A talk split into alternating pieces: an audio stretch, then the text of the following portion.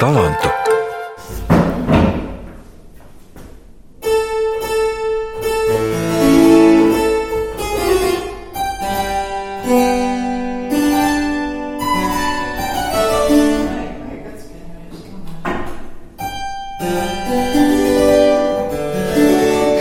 Neliela telpa ar sūnu zaļu klavesīnu Jāzepa Vītola Latvijas Mūzikas akadēmijas otrajā stāvā ir viena no Ainas Kalncienes darba vietām.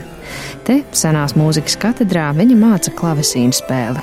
Šodien senās mūzikas un klavesīna interesanti Latvijā netrūkst, bet savulaik viņa ar teju donkihotisku pārliecību iestājās par šī instrumenta popularizēšanu. Tiekoties akadēmijas klavesīna klasē, Aina atvainojas, ka studentiem domātais instruments būtu labāk jānoskaņo, Tāpat kā saviem studentiem, Aina Kanciema man labprāt ļauj ielūkoties klavesīna iekšpusē, kur tad arī skaidri ieraugāms, ka klavesīns nav gluži tas pats, kas klavieris tikai ar melniem taustiņiem balto vietā un otrādi.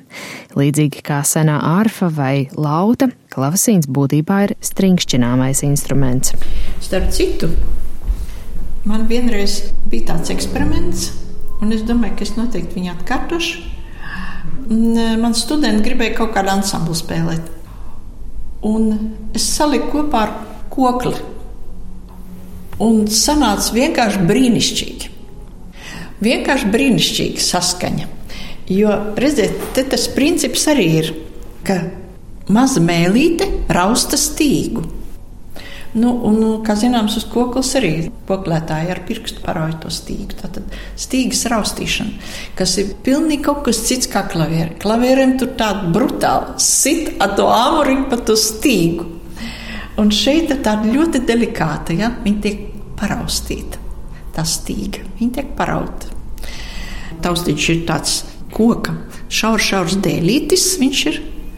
Un tā dēlīša otrā galā, tur pie tās stīgas, paceļās tas kociņš un maza spālviņa, krītot atpakaļ, norauj to stīgu.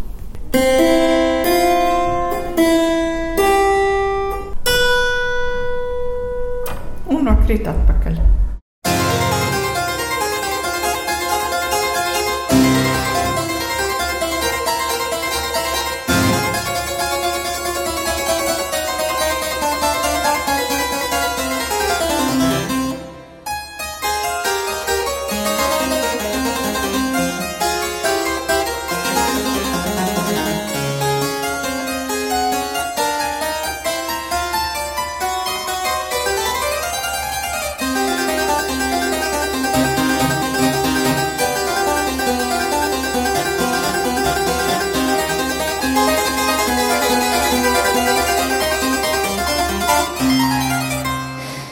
Filipa Emanuela Baha mūzika ir šā gada Baha festivāla zīme.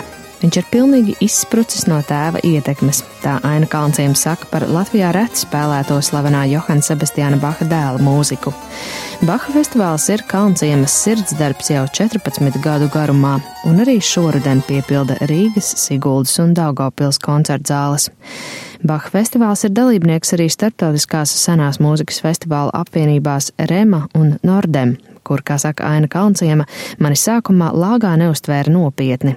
Taču gadu gaitā Baha festivāls ieņēmis cienījamu vietu Eiropas festivāla vidū, un Aina Kalnciema ar lepnumu lieto vārdu šoks, stāstot, kā citu valstu senās mūzikas profesionāļi caur to sev atklāja Rīgu un Latviju. Mēs regulāri tiekamies dažādās valstīs, kur notiek festivāli. Tad, kad es pirms diviem gadiem viņus uzaicināju šeit, tad ļoti daudziem bija liels šoks. Pirmkārt, cik pirmo reizi viņi šādi, ir īpaši no kaut kur no Francijas, Spānijas, Itālijas, tur tā, kas tur dzīvo, tur viņi domā, ka tur ir centrs, tur nu ir tas muzikas centrs, un tur nu mēs vislabāk un tikai. Un tad tiešām daudziem bija šoks. Par ko viņiem bija lielākais šoks? Nu, viņiem bija šoks vispār pirmkārt par Rīgu kā pa pilsētu cik te viss ir skaisti un cik te ir kultūrāli un inteliģenti. Un otrs šoks bija par mūzikas kultūru augsto. Un noklausoties Latvijas rādio kora priekšnesumu, kur es liedzu, nu, nu, kā koncertu piedāvāju. Ja. Tur tiešām bija dažiem pilnīgs šoks. Es uh, cenšos uzaicināt tiešām pasaules mēroga zvaigznes, baroku jomā, kas ir.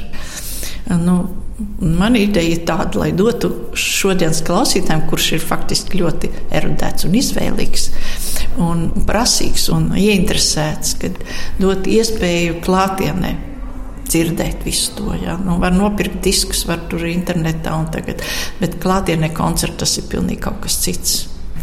Dot iespēju, ja? un tāpēc es tā tā cīnos 14 gadus. es tieši gribēju jautāt, jūs arī sakat, mans festivāls, es iestājos, būtībā tas jau ir tāds jūsu pašas sirdsdarbs. Kas ir tā motivācija 14 gadu garumā turpināt to festivālu rīkot, cīnīties? Tas nav noslēpums, tas nav pats pelnošākais pasākums. Nu, galīgi nē, galīgi nē. jā, jā. Nu, kas liek iet uz priekšu? Kas liek iet, jā. Nu, tas arī tas, jau, par ko es runāju, kad šeit atbrauc brīnišķīgi mākslinieki. Pirmkārt, dot viņiem iespēju. Jo interesanti tas, ka mākslinieki, jebkura mēroga zvaigznes, viņu sūtība ir, viņu vēlme, viņu sirds nepieciešamība ir uzstāties. Un, ja es varu šo vēlmi viņam arī šeit sniegt Rīgā, kur ir ļoti saprotoša publika, un to visu mākslinieki atzīst, kas te koncertē. Viņi saka, vai, un tad otrs, par ko viņi brīnās, viņi saka, jums tik daudz jaunu klausītāju, jauniešu. Tas atkal viņiem vēl viens šoks ir. Ja? Jo rietumos jau tur ir tā, ka tur viss ir ieaudzināti, kad viņiem ir koncerti jāapmeklē, viņi visi saprot. Un, klausās mūziku un viss tur. Un pārsvarā jau tur ir cilvēki gados, un pat tā teikt, pilnīgi sirmām galvām. Bet jaunieši jau skrien uz kaut ko citu pilnīgi.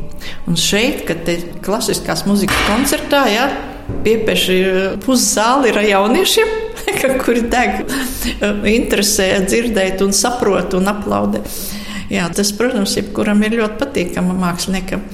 Kāda ir tā jūsu atbilde, kāpēc Latvijā jauniešiem tik ļoti patīk senā mūzika? Es domāju, ka vispār Latvijā šeit, nu, lai man pārmet kāds, bet es domāju, ka kopumā Latvijā ir ļoti augsta garīgā kultūra cilvēkiem. Un ir tāda sapratne un nepieciešamība pēc tādām tiešām pēc garīgām vērtībām. Tas ir kopumā. Un jaunatne, viņa tādā atmosfērā viņa izaug. Protams, es nesaku, ka pozitīvs ir pārpildīts vai ne festivāls un iet arī uz roka koncertiem, bet nepieciešamība arī pēc šī ir. Ja. Un tā ir tā mūsu bagātība, tā tautas gara bagātība, kas tomēr šeit ir. Viņi ir un tic, ka viņi būs. Un tāpēc tie jaunieši arī ir šādi. Viņi šādi izaug, viņi jūt un to, ka tas ir kaut kas, kas pieder viņiem, ko viņi vēlās un ko viņi var dabūt arī šeit. Es domāju, ka Latvija zināmā mērā ir tiešām atšķirīga no, no ļoti daudzām Eiropas valstīm.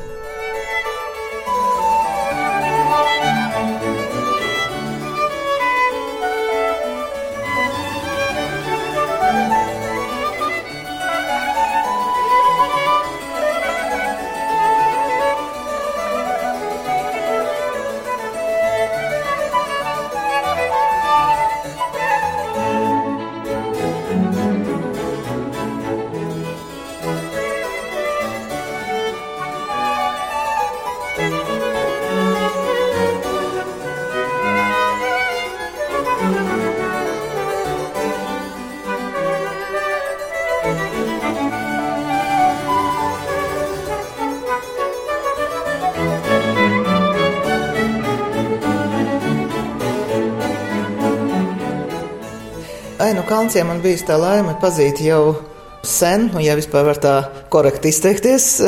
Diriģents un komponists Andris Vecumnieks ar Ainu Kalnciem sastrādājis jau kopš 90. gadiem.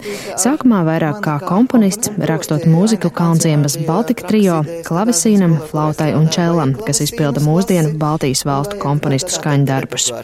Jau tad Ainas Kalnciemas uzņēmība, enerģija, azarts un faktiski var pateikt pat causīšanas spējas radīja manī tādu patiesu interesi un gandarījumu darījumu, par viņu kā personību, uz kuru var paļauties un ar kuru ir interesanti sadarboties.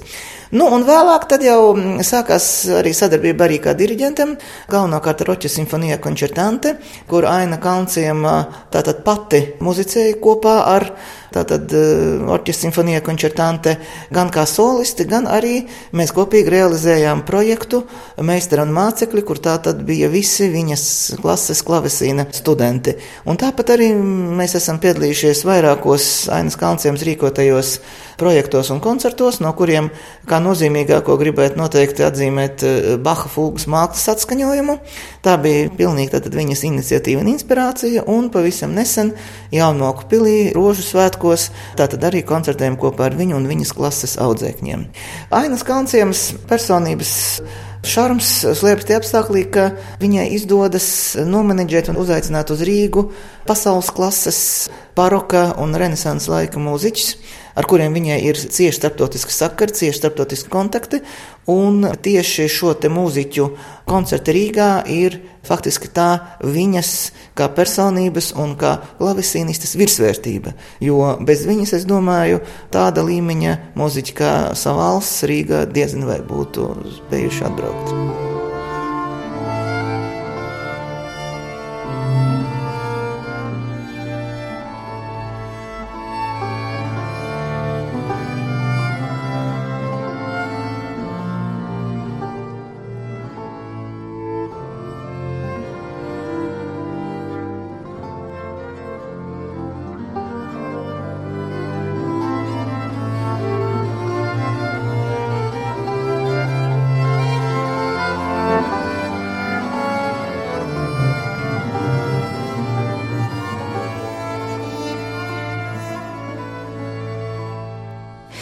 Kad jautāju Ainai Kalnciemai, kā sākās viņas mīlestība pret seno mūziku, viņa saka, bērnībā mūzikā ieveda ģimene un klavieru klase mūzikas skolā, bet ceļš tieši senajā mūzikā visticamāk bija izlemts kaut kur augstāk. Jā, bet kāpēc taisni senā mūzika? Es domāju, ka tas ir viss tā, es esmu tāds fatālists. Es domāju, ka kaut kur jau viss ir saplānots augšā tur un arī priekš mums visiem, un priekš manis konkrēti. Ja, ja es, teiksim, pareizi virzos un izkopu tās dievdotās dāvanas un pildu to augstāko uzdevumu, ja, viss tā labi sakārtojas. Tā kā es domāju, ka tas ir tāds loģisks risinājums un atrisinājums. Ir, kā es tā nonācu, man pagadās tāds cilvēks, tev tu viņu sastopi, kurš saka, nē, nu, pamēģini, tu lūdzu to klavesīnu, vai tas tev nepatiks. Ja? Pagadās kāds saka, oi, es tev varu kaut ko pamācīt, ja pagadās kāds ceļā, kas saka, reku, te stāv viens instruments, un viņi neviens uz viņu nespēlē, taču pamēģina. Ja? Pagadās kāds, kas saka, mēs tev varam nosūtīt, pamācīties. Ja? Te tāda iespējamība ir, un tā tālāk, un tā tālāk. Ja? Un, un viss tas tā smagi sakārtojās. Ja? Un, protams, ka jābūt arī iekšējai mīlestībai. Nu, jā, bet, ja tā mīlestība nav, tad es, protams, par to tādu neiešu. Tas arī skaidrs. Ne? Jā, nu, es atrodu senajā muzikā kaut ko ārkārtīgi harmonisku. Un harmoniski es domāju ne tikai garīgā ziņā, bet arī tīri fiziski tāda. Es esmu kādreiz dzirdējis, ka saka, ka Baks ir terapeitisks. Jā, un es to saku, piemēram, arī. piemēram, jā, es arī to saku. Terapeitisks, jā, man patīk teikt, ka viņš ir kā homeopāts. Kopumā jau mūzika ir brīnišķīga lieta, kas palīdz cilvēkam vispār dzīvot un dod viņam daudzos brīžos tādu stabilitāti, atvieglojumu un, un palīdzību. Un, manuprāt, kad vislabāk to dara senā mūzika, manuprāt. Lai gan, protams, arī romantikā un arī mūsdienu mūzikā ir arī brīnišķīgi sacerējumi. Bet, manuprāt, vislabāk to dara baroka mūzika. Es nevarēšu atbildēt uz jautājumu, kāpēc viņa to laiku bija ar, no mūsu skatu arī skatoties, viņa tik harmoniska. Neapšaubām, ka tie, kas komponēja to laiku, Viņi bija dziļi reliģiozi, visi tie cilvēki. Tā gan taisnība. Un cilvēki jau vairumā nonāk pie kāda punkta, kad viņi sāk pārdomāt, kāda tad ir dzīves jēga, kur tad ir tās saknes, kur tad ir varbūt tā patiesība.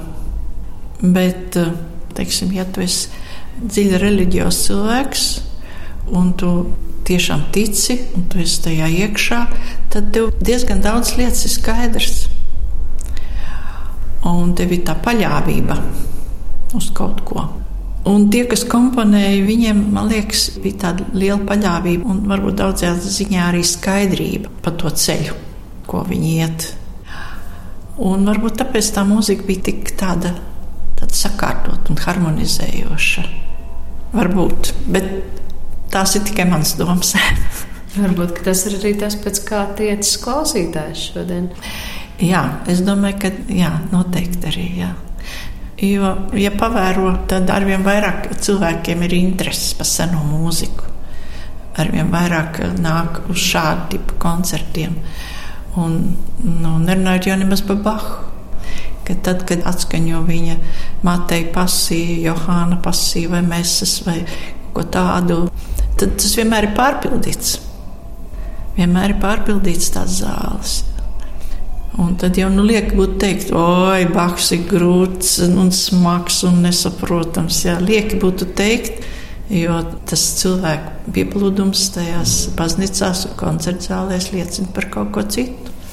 Tieša, neatlaidīga un teju bērnišķīgi aizrautīga visā, ko dara. Tā par Ainu Kalnciemu saka Latvijas Radio 3 klasika žurnāliste Ilga Auguste. Viņa atmiras epizode no saviem mūzikas skolas laikiem, kad vēroja Ainu Kalnciemu spēlējam mūzikas raidījumos televīzijā. Toreiz es Ainu Kalnciemu televīzijas ekrānā ieraudzīju pirmo reizi, un man viņa atgādināja karalieni. Tādu karalieni ar tvērienu, karalieni ar stājušī taisnā mugura, paceltā galva un šīs rudzu puķu zilās acis, kuru skatienā patiešām, man liekas, var noslīgt tik viens. Un Aina Kalnciema vēlāk gadiem ejot, kad es viņu jau iepazinu gan kā mūziķi, gan organizētāju, koncertu organizētāju, ir tāds klasisks pierādījums teicienam, ka arī viens ir cīnītājs, jo klavesīnists, tāpat kā pianists, viņš tomēr vairāk strādā viens pats. Protams, viņš mēdz uzstāties arī duetos, un trio sastāvā un kvartetos, bet um, tie ir tādi ansambļi, kuri izveidojas uz vienu vai vairākiem koncertiem, un pēc tam šie mūziķi izklīst, bet Aina Kalnciem ar savu neatlaidību ir viena no tādiem cilvēkiem, kas ir mācējusi šo senās mūzikas garu un šo interesi tieši par klavesīna mūziku uzturēt dzīvu kā tādu uguntiņu ļoti daudzu gadu, desmitgažu garumā.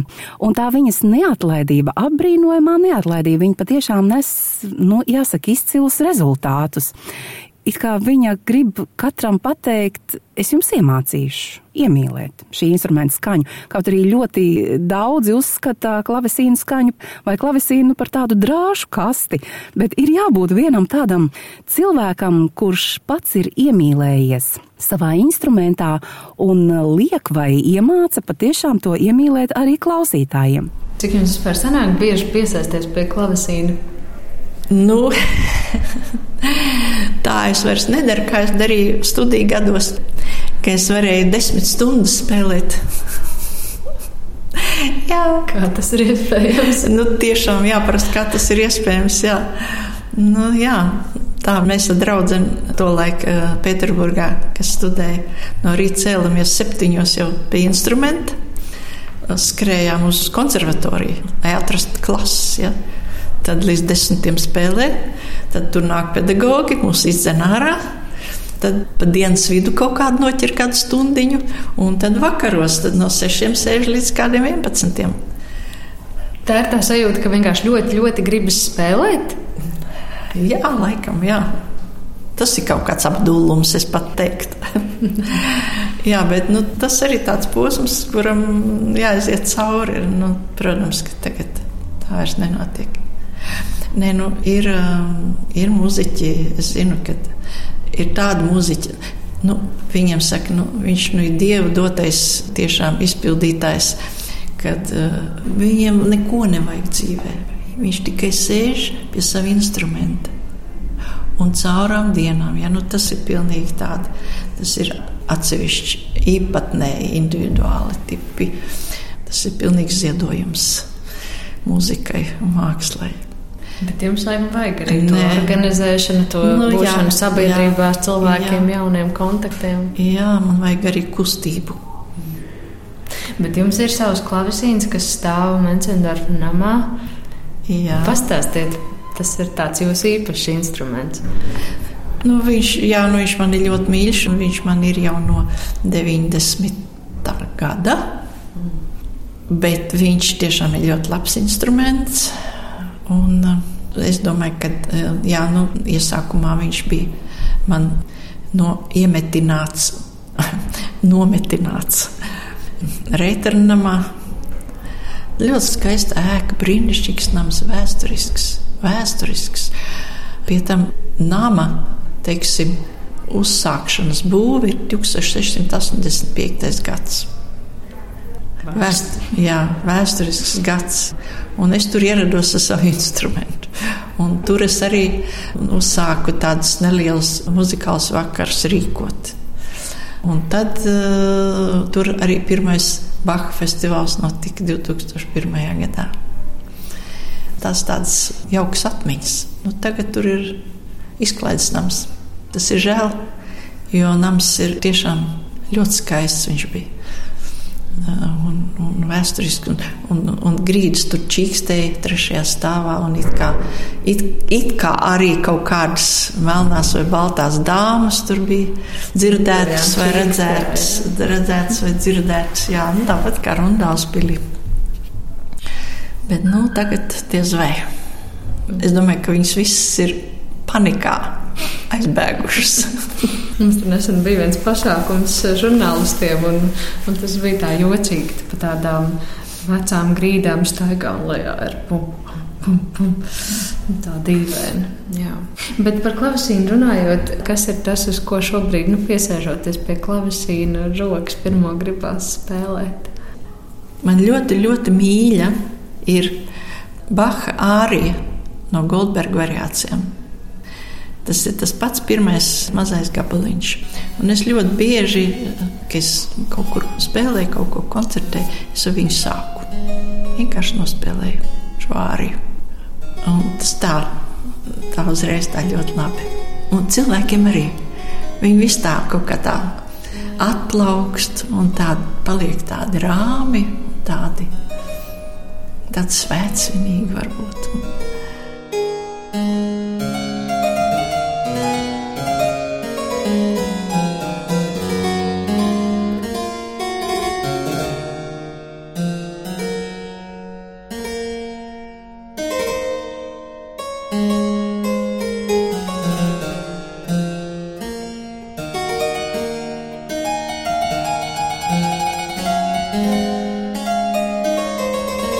Un,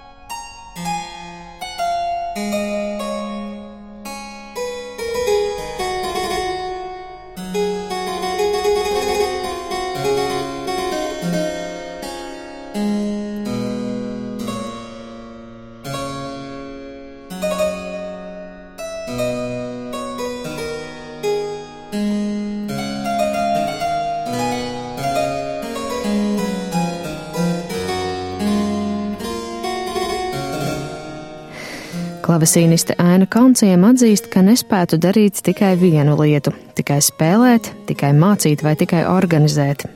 Lielāko prieku sagādā tieši visu triju simbioze un iespēja visu laiku pasmelties ko jaunu.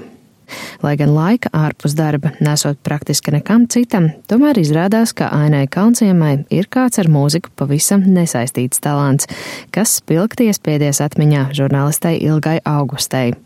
Es atklāju tikai pavisam nesen, pirms dažiem gadiem, jau, protams, strādājot Latvijas rādio un labi pazīstot Ainu Kalnciemu kā mākslinieci, to, ka viņa ir brīnišķīga ēdienu gatavotāja. Viņa bija laikam dažas reizes atnesusi arī mums uz redakciju nogaršot medījumu, tādu cepeti.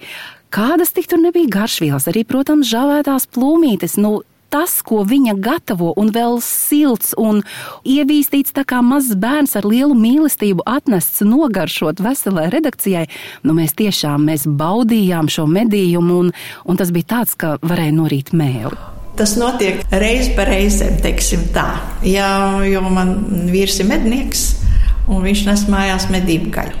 Pamatā es gaļu nēdu, bet medību gaļu to gan es varu. Un tad man patīk viņu sagatavot. Jā.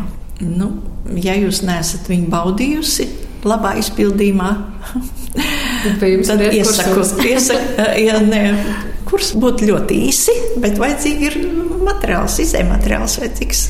Atgūta līdzsvaru no stresa pilnās ikdienas Rozīgajai mūziķei palīdz daba. Kalni, jūra, mīļie piebalgas lauki. Daba dziedē, saka Aina Kalnciema. Tas ir vislabākais veids, kā atkal nu, nolīdzsvarot sevi. Ja. Jo stresa pietiek. Tiešām stresa ir vēl pa daudz. Un tad vajag uh, panākt to līdzsvaru, un to var tikai dabā. Kuras jums ir tās mīļākās vietas Latvijā? Nu, vismīļākā man ir eh, piebalga. jo tur mums tāds lauku mājas ir vecas, teiksim, senas lauku mājas. Un tā ir ļoti skaista vieta. Klusums un miers visapkārt. Un piebalga jau vispār ir tāds skaists novads, gleznēns, varētu teikt. Galvenokārt tāpēc, ka tur tiešām nav cilvēku. Tur neviens tev neviens neko apkārt netrokšņo. Un, jā, tas, es domāju, ka radošiem cilvēkiem vispār man liekas, tas diezgan daudz varētu tā teikt, ka viņiem ir nepieciešams iet dabā. Daba tiešām milzīgu veldes sniedz.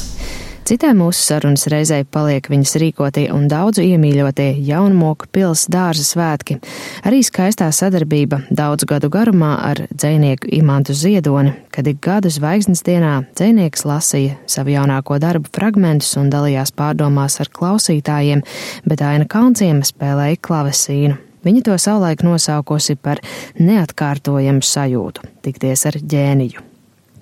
Mūzika jāklausās ar sirdi. Noslēgumā novēl Aina Kalnciema. Ja būtībā jau kas ir mūzika? Mūzika jau mēs uztveram. Ne jau prātu ir, ir jāuztver mūzika. Nu, profesionāls vienmēr analizē, ja, tāpēc ir dažreiz profesionāļiem ir grūti klausīties viņš uzreiz tur sadzird, tur, tur tā intonācija, tur tās nots, tur, tur viņš tie tempi un vēl kaut kas, jā, tas jau strādā zemapziņā, viss tā analīze. Bet vienkāršais klausītājs, kurš visu to nezina, kādai tur tonalitātei, kurā vietā ir jābūt un kas ar ko savienojas vai atvienojas, viņš jau uztver sirdi ar jūtām, ar emocijām. Un, un tas ir tas pareizākais. Kā jūs pati klausāties mūziku? Nu, es klausos kā profesionāls pārsvarā. Jā. Bet, teiksim, tad, kad skan Baha mūzika, tad Baham ir, nu, viņa mūzika ir tiešām nu, tāda īpatnība, ka var spēlēt jebkas un jebkā. Bet tu dzirdi tomēr to apakšā, to viņa intonāciju un to viņa mūzikas skaistumu. Jā. Tā kā šī mūzika ir tik stipra, kad var viņu kāds spēlēt, jebkurš, ja uz kāda instrumenta. Vienalga, tas ir brīnišķīgi. Tu dzirdi viņu, un tu vari tiešām domāt, vai cik skaisti tas ir. Jā.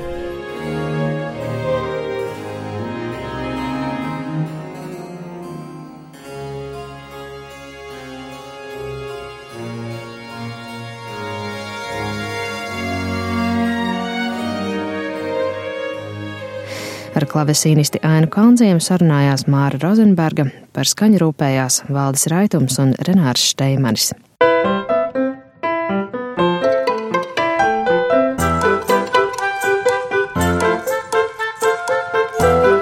Viena Rīga, daudz talantu